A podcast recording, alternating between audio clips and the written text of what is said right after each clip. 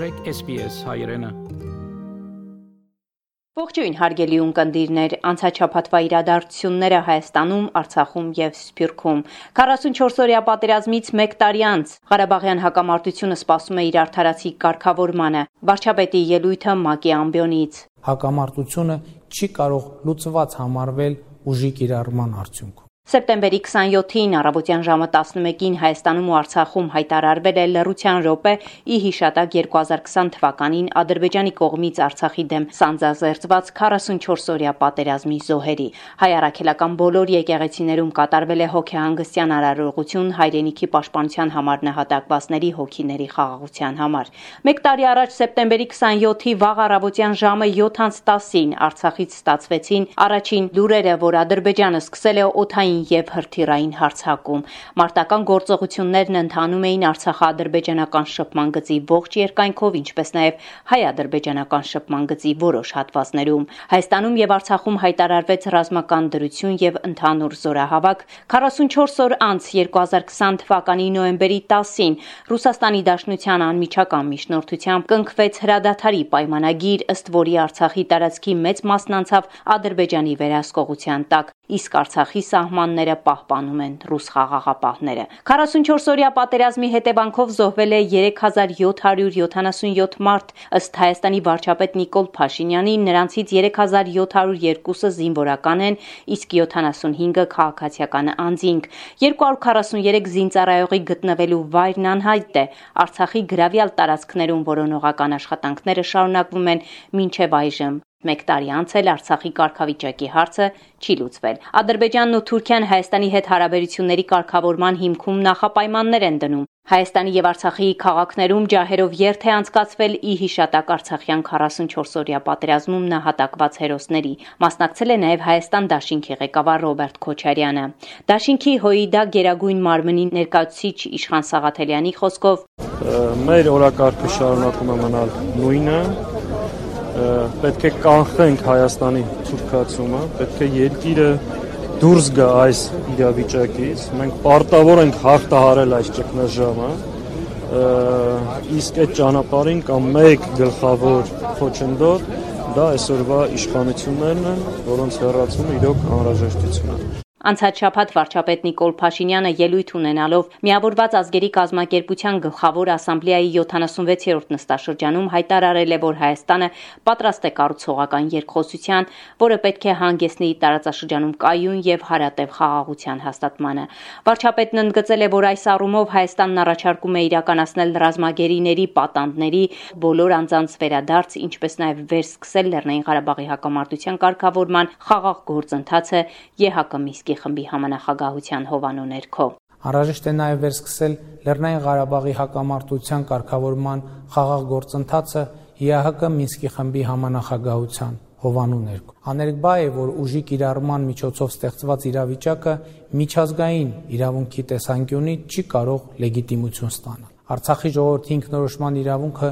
չի կարող կասեցվել ուժի կիրառման միջոցով եւ հակամարտությունը չի կարող լուծված համարվել ուժի կիրառման արդյունքում։ Լեռնային Ղարաբաղի հակամարտությունը սպասում է իր արդարացի կարգավորմանը։ Փաշինյանը խոսել է նաև կառավարության ծրագրի կետերից մեկի խաղաղ զարգացման դարաշրջան բացելու ուղիների մասին։ Ինչպես ենք մենք պատրաստվում իրականացնել մեր երկրի ու տարածաշրջանի համար խաղաղ զարգացման դարաշրջան բացելու նպատակ։ Երկխոսության մեր տարածաշրջանում ցավալիորեն արկա թշնամության մտնոլորտը քայլ առ քայլ հաղթահարելու միջոցով։ Մենք գիտակցում ենք, որ ճանապարհը դժվարին եւ երկարատև է լինելու։ Այսօր էլ ցավոք գրեթե ամեն օր տեղի են ունենում իրադարձություններ, որոնց նպատակը խաղաղության օրակարգը դելեգիտիմիզացիայի ենթարկելն է։ Թշնամության մտնոլորտը ոչ միայն խորացնելը, այլև այն առավել համակարգված դարձնելը։ Հրադադարի խախտումները, Հայաստանի եւ հայ ժողովրդի դեմ արվող ագրեսիվ եւ վիրավորական հայտարարությունները շարունակաբար լարում են մտնոլորտ։ Անդրադառնալով սահմանազատման ու սահմանագծման հարցին Փաշինյանն ասել է, որ այդ գործընթացը հիմա դժվար է նույնիսկ պատկերացնել, գրեթե ամենօրյա պարբերականությամբ սահմանին հնչում են կրակոցներ եւ տեղի են ունենում տարաբնույթ սադրանքներ։ Նա մասնավորապես շեշտել է ադրբեջանական կողմի գործողությունները Սոտք խոզնավար հատվածում ներխուժումը եւ Գորիս-Կապան ավտոմայրուղու Որոտանի հատվածում իրանական բեռնատարների վարորդների համար խոչընդոտումը։ Այս իրավիճակից դուրս գալու համար մենք առաջարկել ենք հետևյալ գործողությունները։ Նշված հատվածում թե Հայաստանի, թե Ադրբեջանի զինված ուժերը հայելային յետ են քաշվում խորհրդային ժամանակներից ժառանգած սահմանագծից, այդ սահմանագծի երկայնքով տեղակայվում են միջազգային դիտորդներ եւ միջազգային հովանու ներքո մեկնարկում ենք սահմանագծման եւ սահմանազատման աշխատանքները։ Մենք այս առաջարկը պատրաստ ենք կյանքի կոչել ցանկացած պահի։ Հարգելի գործընկերներ, ես իմ ելույթում անդրադարձա մեր երկրի եւ տարածաշրջանի համար կենսական նշանակություն ունեցող հարցերի, որոնք այսօր հրատապ լուծում եւ միջազգային հանրության սևեռուն ուշադրությունն են պահանջում։ Երևանի Հանրապետության հրապարակում պատվո պահակախմբի կողմից պահպանվող ծառի մոտ վարչապետ Նիկոլ Փաշինյանին է ներկացվել Երևանի բուսաբանական այգում հիմնվելիք կյանքի պուրակի նախագիծն ու առաջիկայում նախատեսվող աշխատանքները պուրակում, որն ունենալու է 25-ից 30 հեկտար տարածք, տնկվելու են Արցախյան պատերազմների բոլոր զոհերի կենթանությունն ու ներկայությունը խորհրդանշող ծառեր։ Հայաստանի անկախության 30-ամյակին նվիրված իր ուղերձում վարչապետը նշել էր, որ այն լինելու է կենաց պուրակ եւ այդ պուրակը լինելու է նրա մասին, որ ահա այդ բոլոր մարդկանց, այս բոլոր մարդկանց Հայաստանի ու Արցախի ապրելու համար են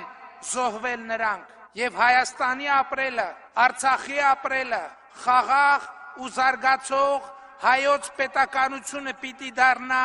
այն հաղթանակը, որ նրանք կերտեցին Արցախ. Արցախի արտաքին քաղաքական առաջնահերթությունները շարունակում են մնալ Արցախի հանրապետության անկախության միջազգային ճանաչումը, աշխարհակաղակական սուբյեկտայնության պահպանումը, Արցախի տարածքների դեօկուպացիան, ԵՀԿ Միսկի խմբի շրջանակներում բանակցային գործընթացի շարունակումը, Արցախի լիիրավ մասնակցությամբ տարբեր երկրների ու կառույցների հետ հարաբերությունների զարգացումը։ Այս մասին ասված է պատերազմի տարելիցի առիթով Ղարաբաղի արտգործնախարարության արած հայտարարությունում։ Բոլոր այս նպատակների արդյունավետ իրականացման գրավականը ըստ արտգործնախարարության Հայաստան-Արցախ Սփյուռք երամիասնության ամրապնդումը եւ իրատեսական ու պետականահեն արտաքին քաղաքականության վարումն է։ Վարչապետ Փաշինյանը եւ Արցախի նախագահ Արայիկ Հարությունյանը քննարկել են պատերազմի հետևանքների հաղթահարման ուղղված աշխատանքների ընթացքը, մասնավորապես անդրադարձ է կատարվել Ադրբեջանում պահվող հայ ռազմագերիների վերադարձի ապահովմանը, անվտանգային խնդիրների լուծմանը, ինչպես նաեւ Արցախում բնականոն կյանքի ապահովմանը,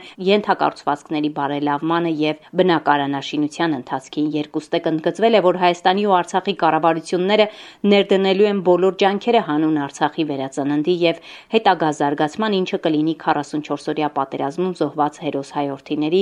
գործի արժանի շարունակությունը։ Արցախի պաշտպանության համար նահատակված բոլոր քաջորդիների պայծառ հիշատակը վառ պահելու լավագույն տարբերակը ըստ Արայիկ Հարությունյանի նրանց պայքարը շարունակելու հաստատակամությամբ Արցախի զորացման գործին լծվելն է։ Դες այսօր ցավ եմ ապրում, երբ տեսնում եմ մեր բալիկների թաց աչքերը։ Ես ուզում եմ, որ մենք օր առաջ ժամ առաջ գիտակցենք, որ նրանք նահատակվել են որպեսզի մեր սերունդները ապրեն երջանիկ։ Իհարկե դժվար է լինելու այդ ցանրությունից, այդ վշտից դուրս գալ, բայց մենք պարտավոր ենք։ Պարտավոր ենք, որտեղ նրանց հիշատակը մենք միայն այդպես կարող ենք վառ պահել։ Սփյուռք Լոս Անջելեսում գտնվող Սուրբ Պետրոս հայկական եկեղեցին վանդալիզմի է ենթարկվել, վնասվել է 8 հազվադեպ վիտրաժ։ Եկեղեցու քահանա Տեր Շնորհք Դեմիրճյանը նշել է, որ այժմ եկեղեցու շրջակայքում անվտանգության խստացված միջոցառումներ են իրականացվում եւ ոստիկանությունը հետաքննություն է սկսել։ Երդասարտը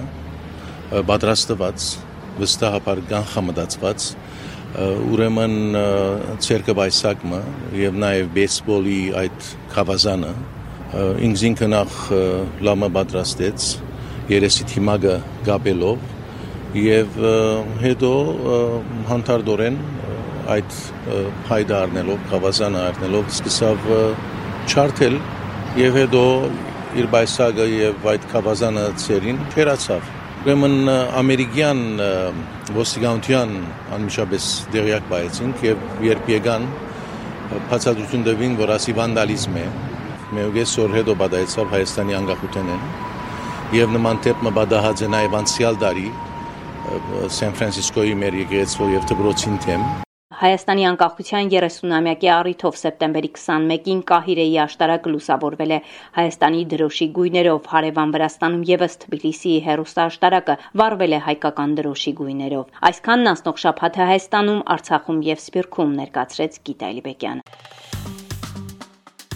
Հավնե, լայք, բաժնեկցե, դարձիկը թայտնե, հետեւե SPS հայրենին թիմադեդի վրա։